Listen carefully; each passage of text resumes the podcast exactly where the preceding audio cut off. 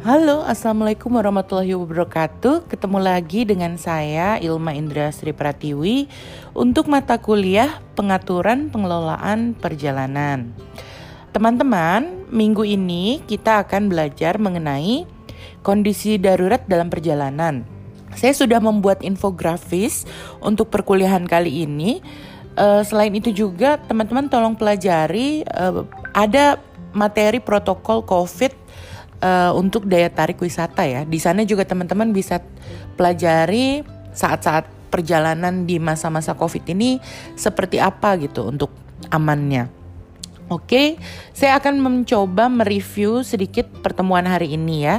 Uh, di dalam infografis saya juga sudah memberikan informasi mengenai uh, beberapa hal atau kejadian kondisi darurat dalam perjalanan dan uh, sedikit tips gitu ya untuk uh, bagaimana teman-teman ini bisa menangani kondisi darurat tersebut. Kejadian darurat yang pertama itu misalnya dalam perjalanan itu kejadian kecopetan atau perampokan. Pertama sebenarnya kalau kondisi darurat itu di dalam tempat perjalanan wisata intinya kita harus punya kewaspadaan ya. E, dari kewaspadaan itu uh, baru pada saat kejadian darurat itu terjadi, kita bisa lebih sigap gitu menyikapinya. Kalau misalnya teman-teman itu mengalami atau uh, wisatawan yang teman-teman bawa itu mengalami kejadian uh, kecopetan, itu sebenarnya cara untuk menanganinya adalah kita jangan bawa uang tunai itu terlalu banyak. Lalu kalau misalnya kita simpan uh, uang atau misalnya simpan kartu kredit itu simpannya di dalam tas itu di bagian dalam gitu. Jadi sering kali kalau misalnya kecopetan itu karena dia salah menyimpan sehingga uh, bisa diakses gitu ya sampai pecopet. Dan intinya kita harus selalu waspada dan juga uh, kita harus punya pegang nomor telepon penting ya untuk telepon darurat misalnya nomor telepon polisi setempat atau uh, kondisi medis juga kita perlu. Lalu kalau misalnya teman-teman untuk mencegah uh, kondisi kehilangan paspor. Nah, kalau misalnya kehilangan paspor itu kita harus simpan fotokopi-fotokopi ke paspor kita ya. Jadi simpan uh, setiap perjalanan tuh kita harus punya fotokopi paspor kita dan itu harus disimpan dari di tempat yang berbeda dengan kita menyimpan paspor. Misalnya kalau misalnya paspor itu kita simpan di handbag, di dalam uh, koper teman-teman itu harus juga disimpan eh, fotokopi pasportnya. Selain itu juga fotokopi paspor itu kita perlu tinggalkan juga di rumah. Jadi kalau misalnya kejadian kehilangan paspor kita bisa kontak minta bantuan orang rumah untuk uh, ngurusin gitu paspornya. Selain itu juga kita ha, kalau sekarang ini kalau bisa paspor teman-teman itu di scan terus bisa disimpan di uh, cloud ya, di Google Drive atau di iCloud seperti itu. Kita juga harus pegang nomor kontak kedutaan atau konsulat supaya uh, bisa dikontak gitu pada saat kondisi kita kehilangan paspor. Kondisi darurat yang lain itu berkaitan juga dengan keuangan. Misalnya sering kali kartu kredit kita ini decline gitu ya atau ditolak tidak bisa digunakan. Itu kejadiannya itu karena uh, sering kali nggak ada microchip atau misalnya kartu kredit teman-teman itu sebenarnya bukan kartu kredit yang bisa dipakai internasional gitu. Jadi dia ada kehilangan uh, tidak bisa terdeteksi di mesin-mesin EDC di luar negeri. Nah itu juga mungkin kejadian kalau misalnya teman-teman itu uh, terindikasi mungkin jarang keluar negeri terus tiba-tiba kartu kreditnya itu dipakai di luar negeri itu bisa terindikasi penipuan.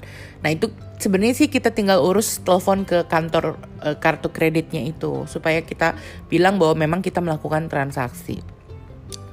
Uh, kalau misalnya ternyata eh, teman-teman kartu kredit itu tidak bisa digunakan, terpaksa teman-teman juga akhirnya memakai uang tunai.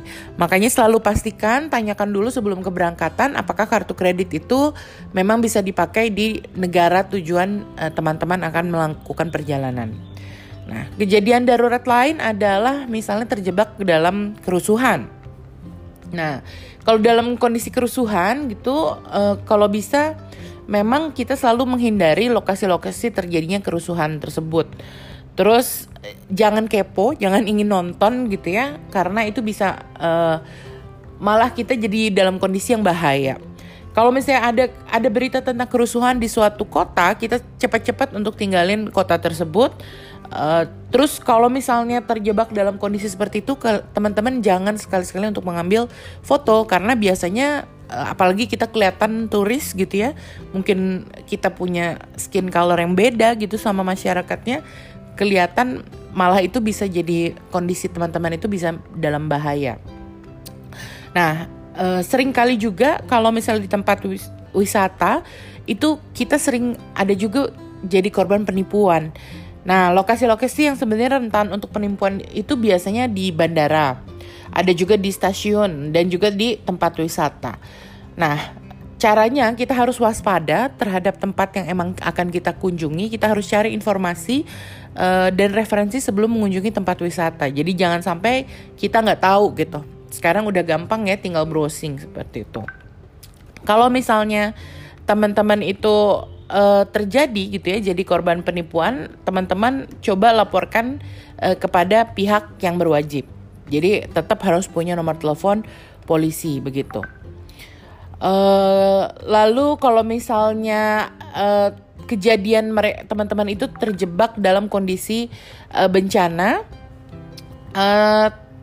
teman-teman itu juga harus selalu melakukan uh, kewaspadaan di daerah-daerah yang memang uh, rawan bencana gitu, destinasi yang rawan bencana.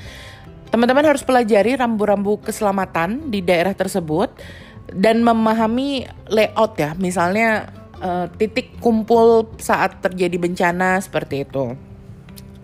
Lalu teman-teman juga harus uh, perhatikan rambu-rambunya gitu dan tahu misalnya peringatan uh, kalau misalnya kondisi bencana itu terjadi gitu. Jadi ada kewaspadaan dan pengetahuan terhadap daerahnya. Terus kalau misalnya teman-teman itu terjebak dalam kondisi bencana, pikirkan cara menyelamatkan diri terlebih dahulu. Intinya selamatkan diri, baru setelah kondisinya itu uh, sedikit aman, uh, sudah cukup aman, teman-teman baru bisa kontak uh, kedutaan seperti itu atau pihak-pihak lain yang berwajib polisi ataupun pemadam kebakaran ataupun uh, kondisi medis gitu ya uh, seperti itu. Dan pada saat sudah kondisi aman ya teman-teman segera meninggalkan daerah kejadian bencana itu. Kejadian yang lain itu bisa terjadi misalnya dengan uh, kejadian darurat yang berkaitan dengan terorisme nah kejadian terorisme ini mungkin terjadi uh, di antaranya misalnya penyanderaan itu sering terjadi ya penyanderaan terhadap turis atau pembajakan uh, kendaraan yang dibajak misalnya seperti itu uh, dan uh, terorisme yang lain adalah kejadian pengeboman seperti itu. Nah intinya sih kita harus selalu waspada ya di daerah-daerah yang memang ada berita-berita dan rawan kejadian terorisme. Terus kita juga harus kalau bisa jangan traveling sendirian karena di daerah-daerah yang rawan terorisme itu jangan traveling sendirian. Kita harus selalu tahu punya kontak orang lokal misalnya seperti itu dan kita selalu pegang uh, kantor nomor kantor kedutaan, nomor polisi itu harus selalu dipegang. Lalu ini juga berkaitan dengan kecelakaan uh, perjalanan. Nah, jenis kecelakaan yang mungkin terjadi adalah kecelakaan berkaitan dengan perjalanan darat, kecelakaan perjalanan air, dan kecelakaan perjalanan udara. Kita harus selalu waspada dalam kondisi darurat kecelakaan itu untuk uh, pelajari kartu-kartu keselamatan yang ada. Biasanya di kalau di pesawat itu ada kartu keselamatan atau kalau misalnya di kendaraan di bis seperti itu sebenarnya kadang-kadang di kacanya itu, ada ada stiker-stiker untuk keselamatan misalnya pakai seat belt dan lain-lain. Terus misalnya kalau harus memecahkan kaca bis misalnya gitu, itu biasanya ada informasi itu. Jadi teman-teman harus peka harus uh, tahu simbol-simbol itu, informasi-informasi itu dan kalau misalnya terjadi kecelakaan, jadi teman-teman bisa menyelamatkan diri dan justru menyelamatkan orang lain. Nah, kalau misalnya terjadi kecelakaan, teman-teman itu ikuti komando. Misalnya kalau di pesawat itu pramugarinya gitu jadi kita selalu harus follow the commands gitu ya komandonya itu diikutin. Dan kita harus selamatin diri kita sendiri dulu baru kita bisa nyelamatin orang lain. Uh, kita juga harus pegang nomor telepon darurat kalau misalnya terjadi kecelakaan-kecelakaan. Dan kecelakaan ini tidak hanya yang be, yang berpengaruh terhadap fisik ya. Kalau misalnya kecelakaan mobil seperti itu juga bisa misalnya uh, kondisi bannya tidak uh, fit seperti itu itu juga bisa kejadian. Lalu uh, kondisi darurat yang lain adalah uh, misalnya teman-teman mengalami sakit dalam perjalanan, terus uh, bisa juga intinya kalau misalnya teman-teman itu harus selalu bawa obat-obatan pribadi di dalam tas gitu ya, di dalam koper itu harus dibawa pengobatan uh, pribadi. Lalu kita juga harus pegang nomor telepon darurat setempat, misalnya polisi, medisnya itu kita harus punya. Nah, kalau misalnya kita merasa kondisi tubuh sedang tidak fit, kita harus cari pertolongan. Misalnya di hotel kita bisa cari pertolongan dengan kita menelpon resepsionis seperti itu. Dan beberapa daerah itu sebenarnya sudah punya uh, red uh, red emergency jadi kayak punya aplikasi untuk kondisi-kondisi emergency gitu jadi kayak kita hanya tinggal pencet red button terus dia sebenarnya udah bisa kontak ke uh, nomor telepon nomor telepon darurat gitu Nah, itu beberapa daerah. Jadi coba kalau misalnya sebelum kita pergi ke suatu daerah, hal-hal uh, seperti itu kita cari tahu dan uh, kita coba install di handphone kita. Untuk menangani kondisi darurat sebenarnya kita bisa pakai asuransi ya dalam perjalanan gitu. Jadi kalau misalnya perusahaan asuransi itu kita bisa ada beberapa yang diurusin untuk asuransi perjalanan.